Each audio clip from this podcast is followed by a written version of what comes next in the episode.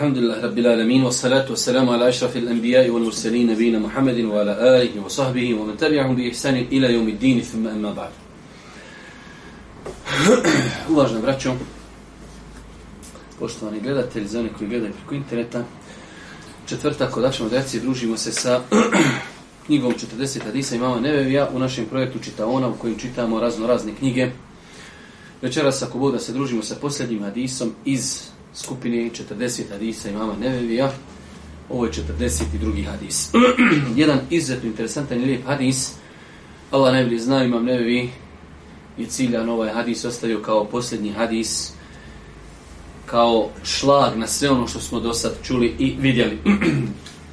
hadis od Enesa radijallahu ta'ala anhu Kale se mi'atu Rasul Allahi sallallahu alaihi wa sallam je kul Kale Allahu ta'ala jebne Adem إنك ما دعوتني ورجوتني غفرت لك على ما كان منك ولا أبالي يا ابن آدم لو بلغت ذنوبك لو بلغت ذنوبك عنان السماء ثم استغفرتني غفرت لك يا ابن آدم إنك لو أتيتني بقراب الأرض خطايا ثم لقيتني لا تشرك بي شيئا لأتيتك بقرابها مغفرة رواه الترمذي Hadis od Enesa radijallahu ta'ala anhu da je Allah poslanik alaihi salatu wasalam rekao uzvišeni Allah kaže. Znači više puta smo nas govorili su to hadisi poznati kod islamskih učenjaka kao hadis el kudusi koji je Allah poslanik prenosi od uzvišenog Allah subhanahu wa ta'ala a to nisu riječi uzvišenog Allah zabilježene u Kur'anu.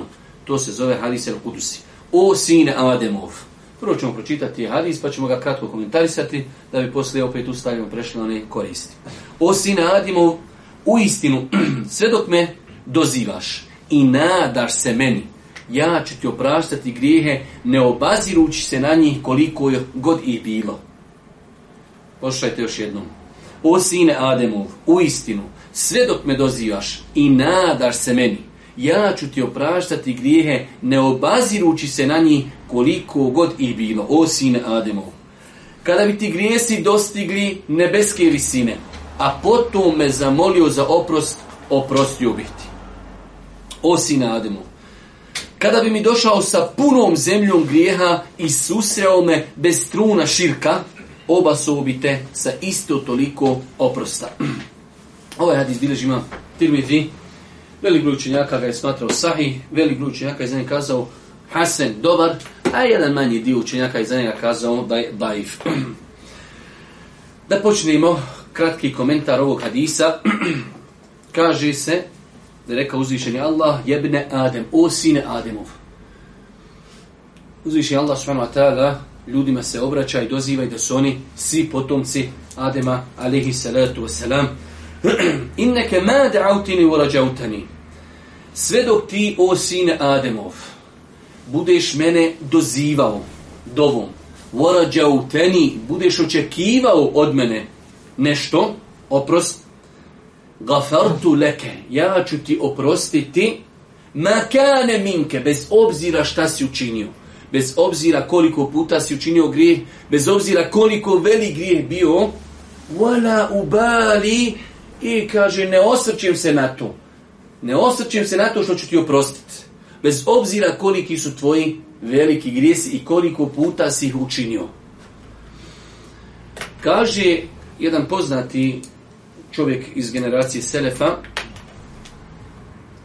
ovo je, kaže, arđa el hadith fi sunnati Nabija alaihi salatu wasalam. Ovo je hadis koji najviše daje nade u kompletnom sunnetu Božih poslanika. Znači, svi hadiskarni čovjek uzeo i prelistu, ovaj hadis najviše nade daje insanu u Allahu milost i Allahu oprost.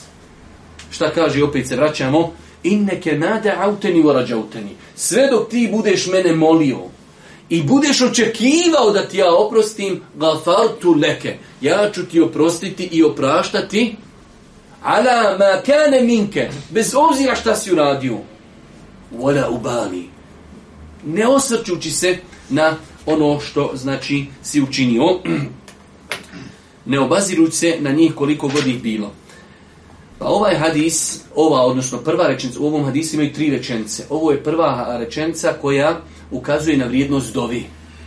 Da čovjek dovi Allahu i da se nada Allahovom oprostu, Allah će se odazvati njegovoj dovi i oprostiti mu ga fartu leke, oprostit ću ti grijehe bez obzira koliko bilo i koliko se dugo činili.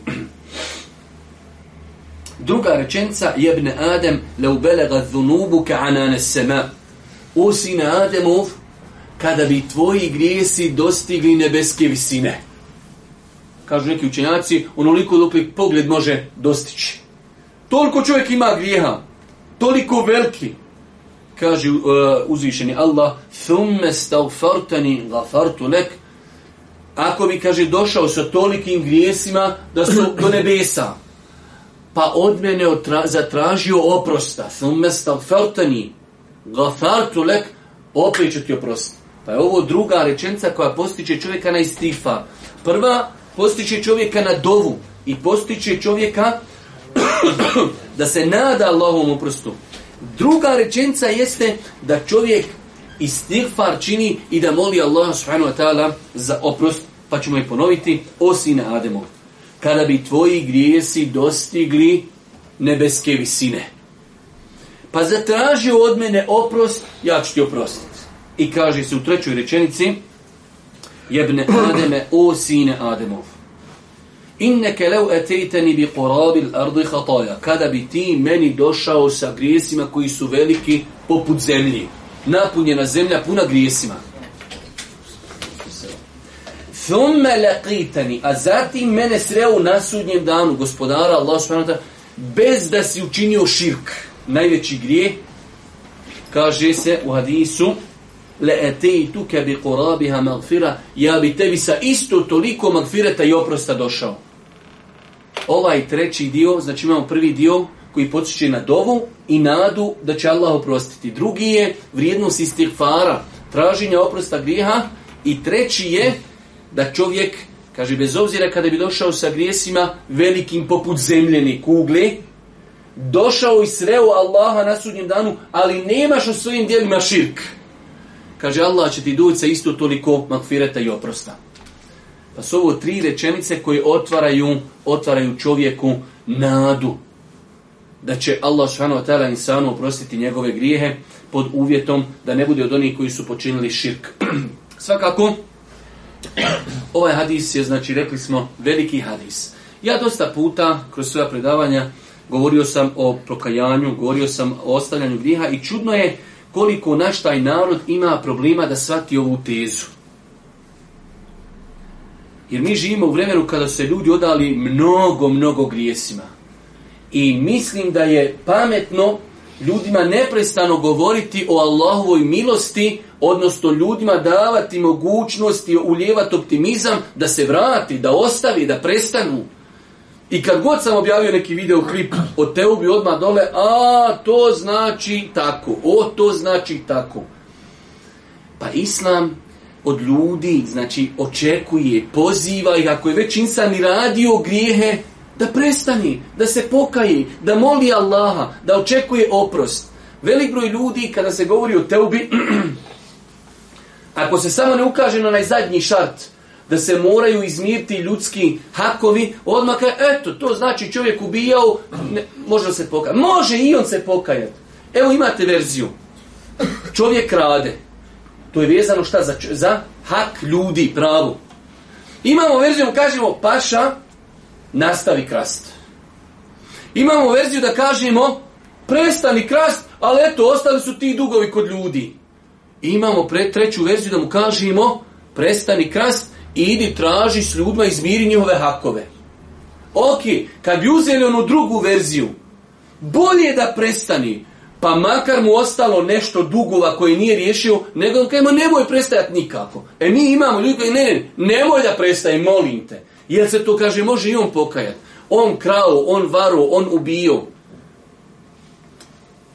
Inne alledhine fetenu mu'minine wal mu'minati thumme lem je tubu. U suri El Buruđ, Allah Žešan kaže, oni koji su stavljali na fitnu i smutnu i ubijali mu'mine, thumme lem je tubu, pa se ne pokaju. Klauzula veoma bitna, njima njih očekuje velika i bolna patnja. Pa se, znači, čovjek ubio mumine, ima pravo da se pokaje. Dobro, ima hak ljudi, definitivno. Ima hak ljudi u islamu. Ali i po verzi da čovjek ne ispuni hakove ljudi. Je li bolje da prestane ili ne, ne, da ne prestane? Pa znači, ovaj hadis svakako ukazuje na Allahovu veliku milost prema robovima. Da se ljudi sve dok se budu kajali, Allah će im opraštati.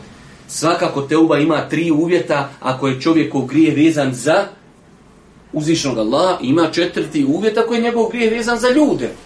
Pa su tri uvjeta da bi nečija teuba i pokajanje i oprost grijeha bio znači od Allaha da čovjek prekine, da se istinski pokaje i da odluče se više neće vratiti tomi. Čovjek je radio neki pio alkohol. Pijenje alkohola nije grije vezan za Allahove robove. To između tebe i Allaha. I čovjek kaže, ja bi ljudi da prestani. Bujrum, bujrum, bolje da prestaniš nego da ne prestaniš. Treba da prestani sa tim dijelom, da se pokoj kaže, ja rab, ja se kajim što sam tu radio i da kaže, neće više to mi vratiti.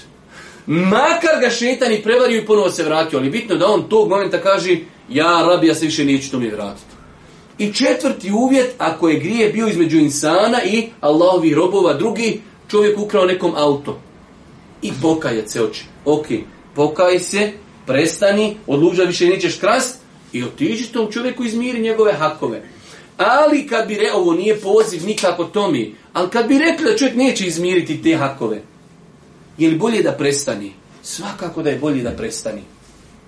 Pa je ovo ispravno svatanje teubi, ne da se ljudi pozivaju u grijehe, niti je opravdanje da neko zanemari tuđe hakove.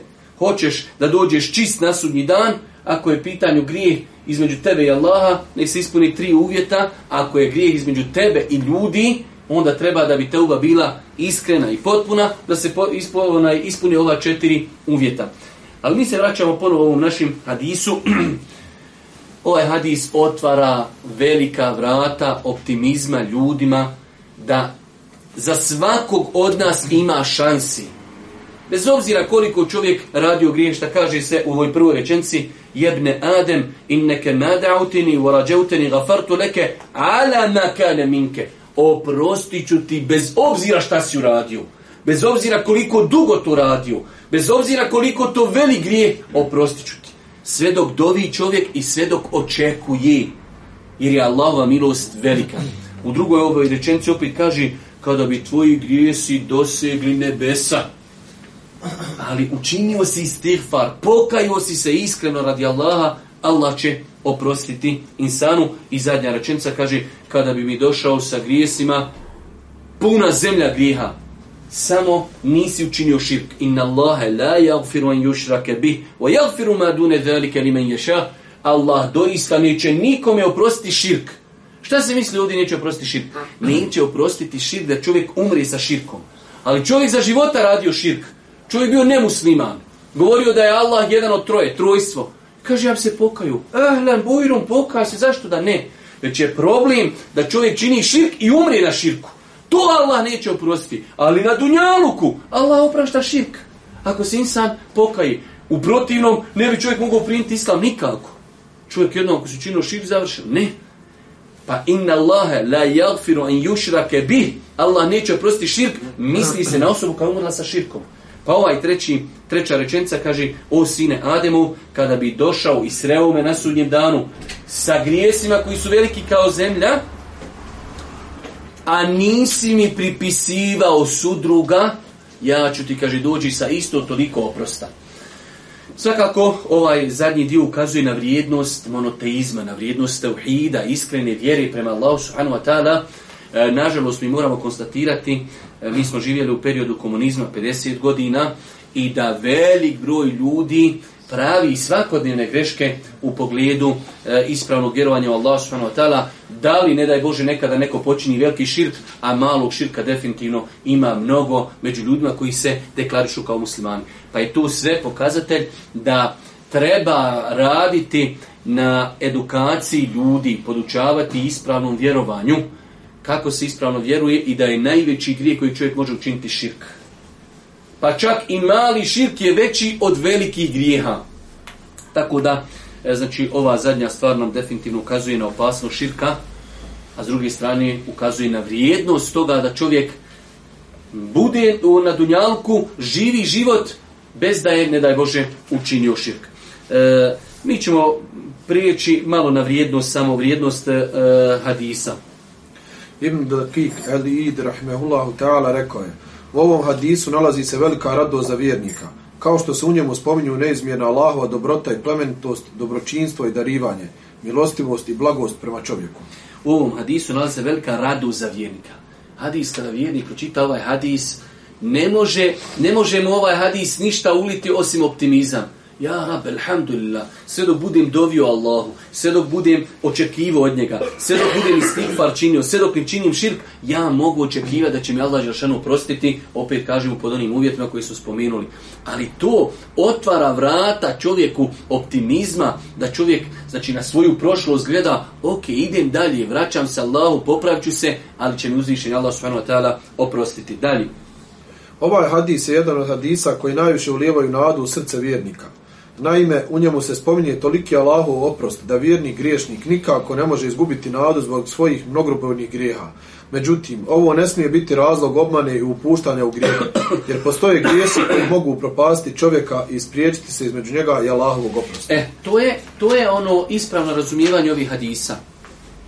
Ove hadise treba citirati ljudima koji hoće da se pokaju. Nikako ljudima koji kaže ja bi i dalje nastavio grijesima. Ne, Otkud znaš možda ti danas smrt dođi? Otkud znaš možda određeni grije koji uradiš bude razlogom da se srce zapečati? Pa ti poslije, ja rab, ja bi da se vra, ne može, jednostavno, nemaš volji, nemaš želji. Ja vjerujem da velik broj vas možda poznaje nekoga koji je nekada bio u vodama prakticiranja vjeri. Možda je bio na dersu, možda je počeo kranjati godinu, dvije, tri, pa se vrati u dalaleti zabludu. Ne možeš tom čovjeku poslije prići. Lakše je mnogo pri čovjeku, čovjek čita život griješi, ali ima tamo negdje u srcu ona tačkica imana, trebao bi se ja popraviti. Ali insan koji jednom se pokaje, pa živi godinu, dvije, pet ili deset i onda ponovo se vrati na stari način života, veoma teško. Zato insan, znači, ovaj hadis otvara vrata optimizma, ljudima koji griješi i hoće da se pokaju. Ali ne nikako da kajemo čovjeku, pa je Allahovo rahmeti, milost je velika, gdje ti još tamo u 80. godini ćeš se pokati, otiš na čabu, na jednoj nozi sa jednim štapom, jednom štakom, vratiš se i završi na stvar. Paša, možeš noćas umriti. Ili ako ne umriš, može određeni grijesi biti razlogom da se srce zapečati, pa ti poslije, ma ja sam planirao se pa, ali ne mogu, ja zaista nemaš, nemaš motivacije da se pokaviš. Pa je to ispravno razumijevanje ovog hadisa. Eh, hadis sadrži... Hadis sadrži tri razloga postizanja Allahovog oprosta za počinjenje grije. To su dova, zatim traženje oprosta i vjerovanje u Allahovu jednoću. Hadisu pripada posebna značaj jer govori o vrijednosti teuhida, to jest Allahove jednoće i veličini nagrade pripremljene za one koji ispoljavaju tevhidu Allaha. Znači ovaj hadis generalno možemo razimirati da nudi tri načina kako postići Allahu oprost, pa smo rekli prvi dova, da čovjek dovi, traži oprost griha, drugi istifar i treća stvar e, da čovjek živi svoj život u monoteizmu, da živi u tauhidu, da znači roboj samo uzvišenom Allahu subhanu wa ta'ala. E, hajmo mi onda prije, aj komentar hadisa. Ovaj nam hadis pojašnjava neizmjerno veliku Allahovu milost, njegovu plementost i dobrotu. Također pojašnjava, pojašnjava nam razloge putem koji će čovjek zadobiti Allahovu oprost za počinjenje grijehe. Ti razlozi su dova i traženje oprosta koji su nerazdvojivi od trećeg razloga, a on je teuhid, odnosno iskreno vjerovanje u Allahu jednoću, što je osnova svega. Takvom vjerniku se prima dova i grijeh se opraštaju, ma kakvi i koliko mnogobojni oni bili. A što se tiče oni koji čine širk, to jest Allahu, druge smataju ravnim ili sličnim, takvima niti dova, niti bilo šta drugo od ibadeta ne koristi, sve dok se ne pokaju za to mnogoboštvo i ne postanu iskreni vjernici u Allaha jedinu. Znači, možemo samo opet rezimirati ovo što smo kazali, tri načina kako postići oprost grijeha, pogotovo treći, e, treći razlog jeste vjerovanje u Allaha, iskreno vjerovanje, monoteizam, teuhid, da čovjek živi po tome, suprotno tome ne daj Bože čovjek da bude od onih koji čini širk. Širk je najveći grijeh. Nakon toga, la, la zembe badel kufr, kažu u izreci, nema grijeha nakon kufra. Kad uradiš kufr, to je najteže što se mogu uraditi. Čovjek kad uradi širk, sve ostalo je ispod toga. Ali smo rekli šta? Da se ovdje prvenstveno misli na širk, kako čovjek preseli sa širkom. Dok čovjek, ne daj Bože, počinio širk i hoće da se pokaji, ehlen, bujrum, pokaj se, ali da čovjek ostavi taj veliki grijeh. Poruke hadisa. E, u hadisu vidimo izraženu počast sinoma Ademovim oslovljavanjem o sine Ademov. Dost.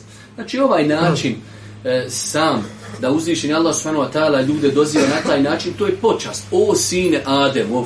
Znači, da uzvišeni Allah na ovakav način doziva ljude, to je pokazatelj počasti uzvišenog Allah subhanahu wa ta'ala prema njegovim robovima. Termin sinovi obuhvata muški i ženski rod. U arapskom jeziku sinonim sin ili sinovi, kada se doda umetu ili plemenu, obuhvata i muški i ženski rod. Ovo je pojašnjeno više onako kako neko dosta puta u nas, znate kako diskriminacija, žene, fali, gdje su, šta su, jel se ženama neće oprostiti jer imate ti bolesni umova koji tako sve nešto shvatiti što niko nije mogu shvatiti. Pa je ova korist, znači, o sinovi Ademovi, e, sad bi ovo da neko ne bi bukvalno, sad je ovo sino, o muškarci, potomci Adema, ali se nam u arapskom jeziku ovakav način izražavanja, znači označava i muškarce i žene. Ovi koji vjerujete u Kur'anu, nema nigdje ovi koji vjerujete, za, jer ima na arapskom, moglo bi se na arapskom kazati, žene vjernice, ali ne, ovi koji vjerujete i muškarci i žene. I u ovom slučaju, o sinovi Ademovi, o potomstvo Ademovog što obuhvata i muškarce i žene neizmjerna Allahova milost se ogleda u oprostu svih grijeha. Neizmjerna Allahova milost se ogleda u oprostu svih grijeha. Znači, Allahova milost je prvo što oprašta ljudima grijehe koji nisu činili širk. Kaže, makane minke, šta god da si uradio, koliko god puta ga ponovio, danas u većini komentara koji sam danas čitao, jeste, kaže, koliko god puta uradio neki grije i koliko god bio veli grije. I znate onaj hadis, da ga je Boži poslanik spomenuo e, u kontekstu potvrdi čovjek ubio 99 ljudi. Kaže, u narodima koji su živjeli pri vas, bio je čovjek ubio 99 ljudi, pa je došao kod bobožnjaka, mogli se pokat, ne može se pokat, održi njemu glavu, 100 ljudi čovjek ubio. Zamislite da dođe sad čovjek ovdje i kaže, ne daj Bože, neko iz koje je u prošlom ratu radio neki zločin, kaže, ljudi mogli se ja pokajati koje pokaj, od vamo da ti mi pokažemo pokajanje, praktičan način pokajanja. Ne može vraćati, džaba, dža, emocije u islamu ne radi.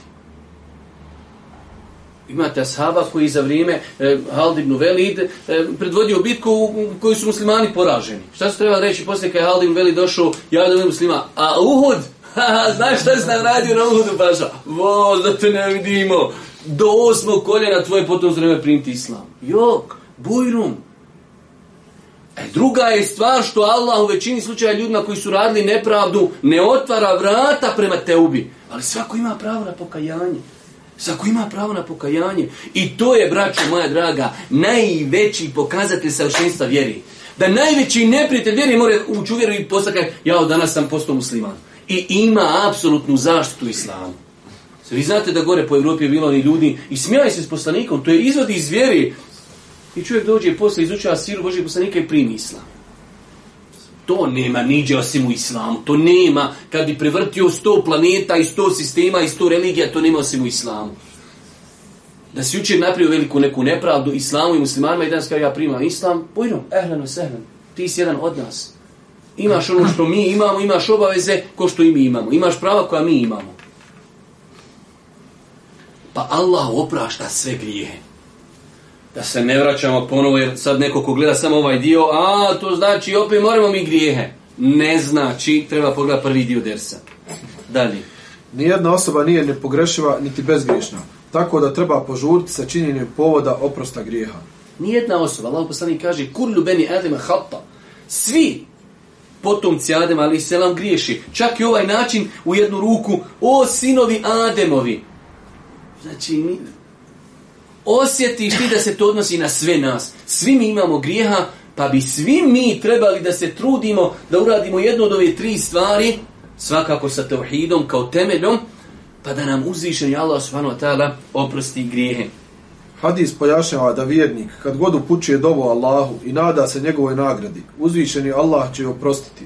Jedan od povoda oprosta je stikfar, traženje oprosta za grijehe i upućivanje. Generalno znači da insan ako bude iskren u svojoj dovi, iskren u e, uvjetima koji su islamski učenjaci spomenuli i zatraži oprost da mi vjerujemo da insan ako iskreno zatraži od Allaha oprost i pokaje se pokajanjem kako su islamski učenjaci spomenuli, mi vjerujemo da će mu uzvišen Allah subhanahu wa ta'ala oprostiti grijehe. Dalje. Upućivanje dove Allahu mora biti popraćeno nadom i željom da se dova usliša. Jer ukoliko je srce nehajno, bojati se da dova neće, se dova neće uslišati. Znači ovdje govorimo zato što je došlo ondje, kaže, rađeuteni. Kaže, sve dok me budeš dovio mi, išta očekivo. Pa je svojstveno mu'minu kad upućuje dovu da to bude e, sa prisutnim srcem. Zato je došlo u vjerodostojnim hadisima, kaže, Allah ne prima dovu iz srca koje je nemarno. Čovjek dovi onako, ja rabo, prosite me, ja rabo, gleda onu sliku, ja rabo, uradio sam grijehe, Njegova džame, da li ona renovira? Ja, robo, prosti mi. Nije to paša, znači to je samo jezik. To je samo jezik.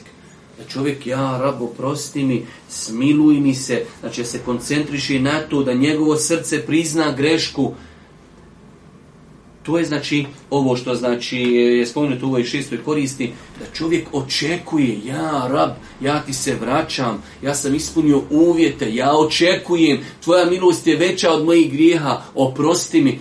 To se misli pod ovom šestom koristi.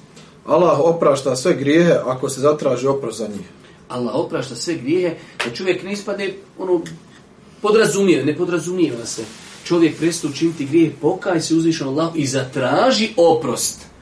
Znate, ljudi, to, ti, to vam je ona neka filozofija, kaže, šta ću ja dobiti Allahu, Allah zna moje potrebe bolje nego ja sam. I sto posto. Yes. Allah zna sto posto, to je tačno. Ali je tebi naređeno da pokažeš Allahu svoju potrebu za njim i da doviš. Tebi je naređeno da tražiš od Allah subhanahu wa ta'ala da mu išliš ono što imaš od potreba. Dalje. Hadis ukazuje na veliku vrijednost istihvara, to je traženje oprosta za grijehe i pokajanje. Uzvišeni Allah oprostit će sve grijehe onome koji za njih zatraži oprost. Ovo je ponavljanje onoga što spomenuli. Širk, to jest pripisivanje Allahu sudruga, je grijeh koji se ne prašta, a sve grijehe mimo širka Allah ako hoće oprostit će. Evo vidite sad ovu, ovu devetu korist bez obzira što je ona 100% tačna, da i neko pročita ko nije poslušao ovaj komentar naš. Haj, pročitajte ovu sad korist još jednom i pokušajte da ne znate komentar. Ovo ispadne da se širk ne može oprostiti. Haj, pročitaj, šta kaži? Širk, to jest pripisivanje Allahu sudruga, je grijeh koji se ne prašta, a sve grijehom ima širka Allah ako hoće oprostit će. Mm. Znači, ova, o, ovakve stvari treba trudit se da čovjek kada piše, da ih do, detaljno pojasni. Neće se oprostiti ako čovjek umri sa širkom i nije se pokaju za njega. Ali iz ovoga, pogledajte, širk, pripisivanje Allahu sudruga i grijeh koji se ne prašta. Čovjek učinio širk i gotovo, ne prašta se. Prašta se ako se čovjek pokaju od širka za svoga života. Allahu poslani kaže svom Amidži Ebu Talibu na, u smrtnim mukama, čak Islamski učenjaci kažu sve dok čovjeku ne nastupe smrtne muke da mu duša dođe do grkljana, u zadnji momentu, kao što je onaj židovski dječak e, koji je služio Božem poslaniku, kaže Boži poslanik, primio Islam, pogled u glavu, voću, voću, primio Islam, umro. Pa Boži poslanik svome amiđi, zadnje, da reci samo la ilaha ila, uđi u Islam. Pa znači, e, insan, ako se pokaje za širk, šir će biti oprošten, opet pokajanjem i teubom u kojem znači, se ispune uvjeti. Pa se ovdje misli e, da neće Allah oprostiti ljudima širk ako umru na širku i nise pokajali.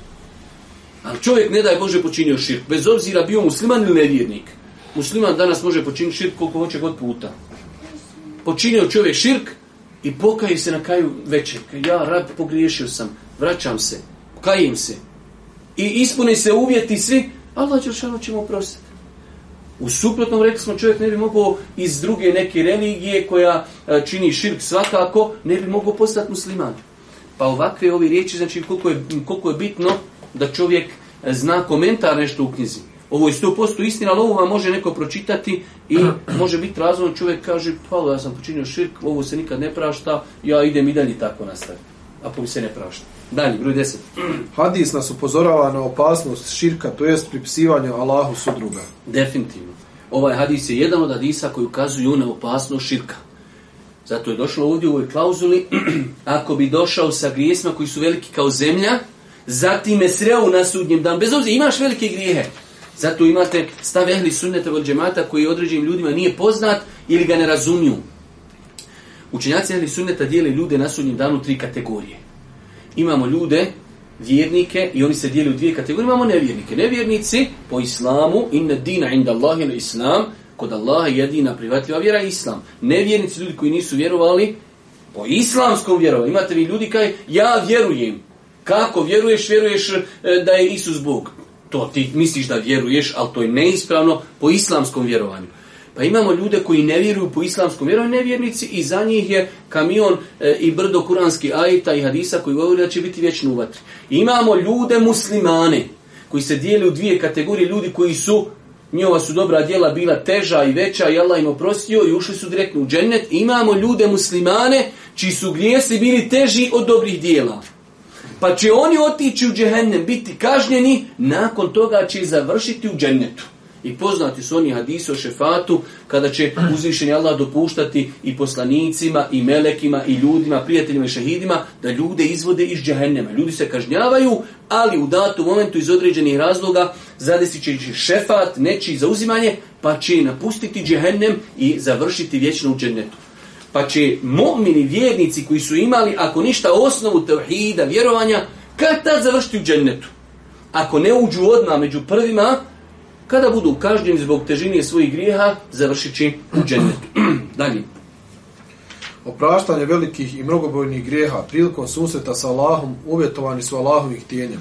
Oprostit će ako hoće i kome hoće. Uzvišen je Allah rekao je Allah neće oprostiti da mu se neko drugi smatra ravnim, a oprostit će manje grijehe od toga kome on hoće. Dobro, to, o tome smo cijelo vrijeme govorili. Dobro. Hadis ukazuje na vrijednost Tevhida, to jest Allahove jednoće, koja je razlog oprosta grijeha. Uzvišen je Allah rekao je, Reci onima koji ne vjeruju, ako se okane, bit će im oprošteno ono što je prije bilo, a ako se ne okane, pa zna se šta je s drevnim narodima bilo. Ko što je malo prije bio ovaj hadis, kaže, ukazuje na opasno širka, on u isto vrijeme, sve što ukazuje na opasno širka, s druge strane i drugog ugla gledana ukazuje na vrijednost tevhida. Dalje. Također ukazuje na vrijednost ihlasa, to jest iskrenosti, jer je ihlas jedan od razloga oprosta grijeha. Dalje. Hadis nas postiče na istikvar, to jest odnosno na istikvar upućivanje dove i ispoljavanje tevhida. Generalno, znači to smo već više puta ponovili, ovaj hadis e, otvara troja vrata čovjeku, postiče insana na tri načina da mu se oprosti grijesi, pa je to dova, istikvar i ispoljavanje tevhida. U hadisu se potrđuje susret s uzvišenim Allahom, koji se ogleda u riječima, a potom je sretni. Allah kaže, ko se nada lijepom susretu sa svojim gospodarom, neka čini dobra djela i neka obožavajući svoga gospodara njemu nikog ne pridružuje. Znači, generalno mi muslimani vjerujemo u sudnji dan, a sam sudnji dan je susret sa uzvišnjima Allahom subhanahu wa ta'ala. Ovdje konkretno se misli, znači, uh, kada čovjek se sretne sa svojim gospodarom na sudnjem danu polagajući račune, pa mi muslimani vjerujemo generalno šest islamski i imanski šart je vjerovanje u sudnji dan. Sastavni dio sudnjeg dana jeste stajanje pred uzvišnjima Allahom subhanahu wa ta'ala i polaganje računa. Vi znate oni vjerodostojne hadise, neće se pomjeriti čovjekova stopala ispred njegovog gospodara, sve dok nam govori na četvoro i mnogi drugi argumenti koji govore kao što je došlo u drugim vjerodostojnim hadisima, kaže da je Allah rekao Allah Jošan će sa svakim od vas razgovarati lično bez prevodioca. Bez prevodioca. Direktno će svako polagati za sebe račune. Pa ovaj hadis je jedan od hadisa koji ne toliko direktno, već indirektno ukazuju na to da će čovjek se sresti na sudnjem danu sa uzvišenim Allahom Subhanahu Atala. U hadisu je također preporuka da čovjek naročito pred kraj svoga dunjalka i početak svoga ahireta ima lijepo mišljenje o svome gospodaru. U osnovi, kažu učinjaci, ali sumnjate da čovjek u toku svog života trebao bi da bude kao jedna ptica sa dva krila i taj let jedino može biti, eh, hajde da kažemo, ravnomjeran ako su dva krila zdrava. U protivnom, ptica će neđe pasti. Pa čovjek treba u toku svog života da se boji Allahove kazne i da se nada njegovoj nagradi. Bilo koja od ova dva svojstva, ako mu dadne previše na pažnji, odešće ga u, jedan, u, u jednu ruku u propast. Ako previše se bude bojo, uvijek bojim se Allaha, bojim se Allaha, bojim se Allaha, nema mjesta za nadu, optimizam u životu. I s druge strane, ako bude Allah milostiv, Allah milostiv, ne moraš krajima, ne moraš, Allah milostiv, Allah milost je velika, ne moraš ništa, opet ode da čovjeka u propast.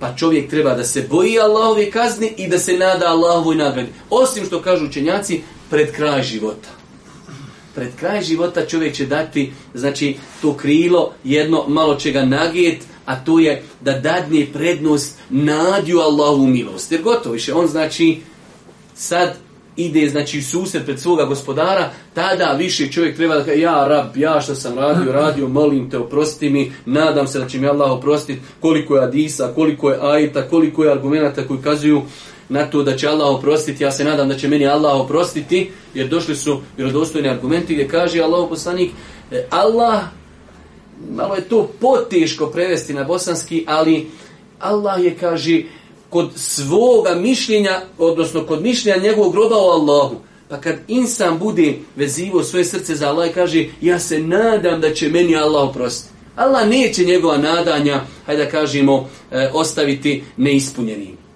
da insan kaže to su znači to je taj momenat samo pred samu smrt da čovjek dadne veću prednost nadi od straha jednostavno kao jedan vid optimizma ja se nadam da će mi uzvišeni Allah subhanahu wa ta'ala oprostiti ovo je braćo moja draga e, bila zadnja korist ovog 42. hadisa. Mi smo se već, već podugo vremena, ja sam danas zaboravio da malo provjerim kada je bio prvi ders iz ove knjige.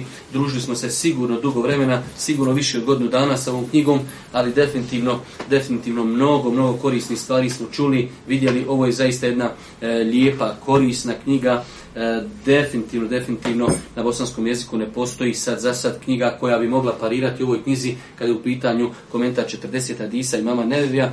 E, ja ću možda vidjeti do sljedeće sedmice ili da odabrijemo jednu knjigu od drugu ili možda da pokušamo rezimirati neke najveće koristi iz cijele knjige, znači možda da preletimo od početka svih Hadisa, od, od prvog do 42. Hadisa ili možda od prvog do 20. U svakom slučaju, e, nadam se, nadam se da su oni, oni koji su redovno dolazili, da su mogli mnogo toga naučiti, ne od mene, već jednostavno ovo je projekat čitaone, nemam ja tu sati ništa, osim što mi to pročitamo, ono što su naši autori rekli, i eto određene stvari čisto pojasnimo kako ne bi samo e, bilo određenih nejasnoća. E, smatram da je ovo ispravan način traženja znanja da čovjek iščitava kapitalna dijela, da uči njihove komentare. E, sama činjica da su islamski učenjaci e, kroz mnoga poglavlja uh, u prvim isto, uh, prvim generacijama islama pokušavali da objedine kroz 40 hadisa određena poglavlja, a jedno od ovih uh, od, od tih dijela jeste i dijelo imama Nevevija koji je Allah svema tala podario jedan veliki blagoslov. Uh, samo uzvišen Allah zna koliko je hiljada i stotina hiljada ljudi koji nauče ove hadise na pamet, koliko je ljudi samo u savremenom dobu koji su pisali komentar na ove hadise, jednostavno jedna blagoslovljena knjiga, velika knjiga,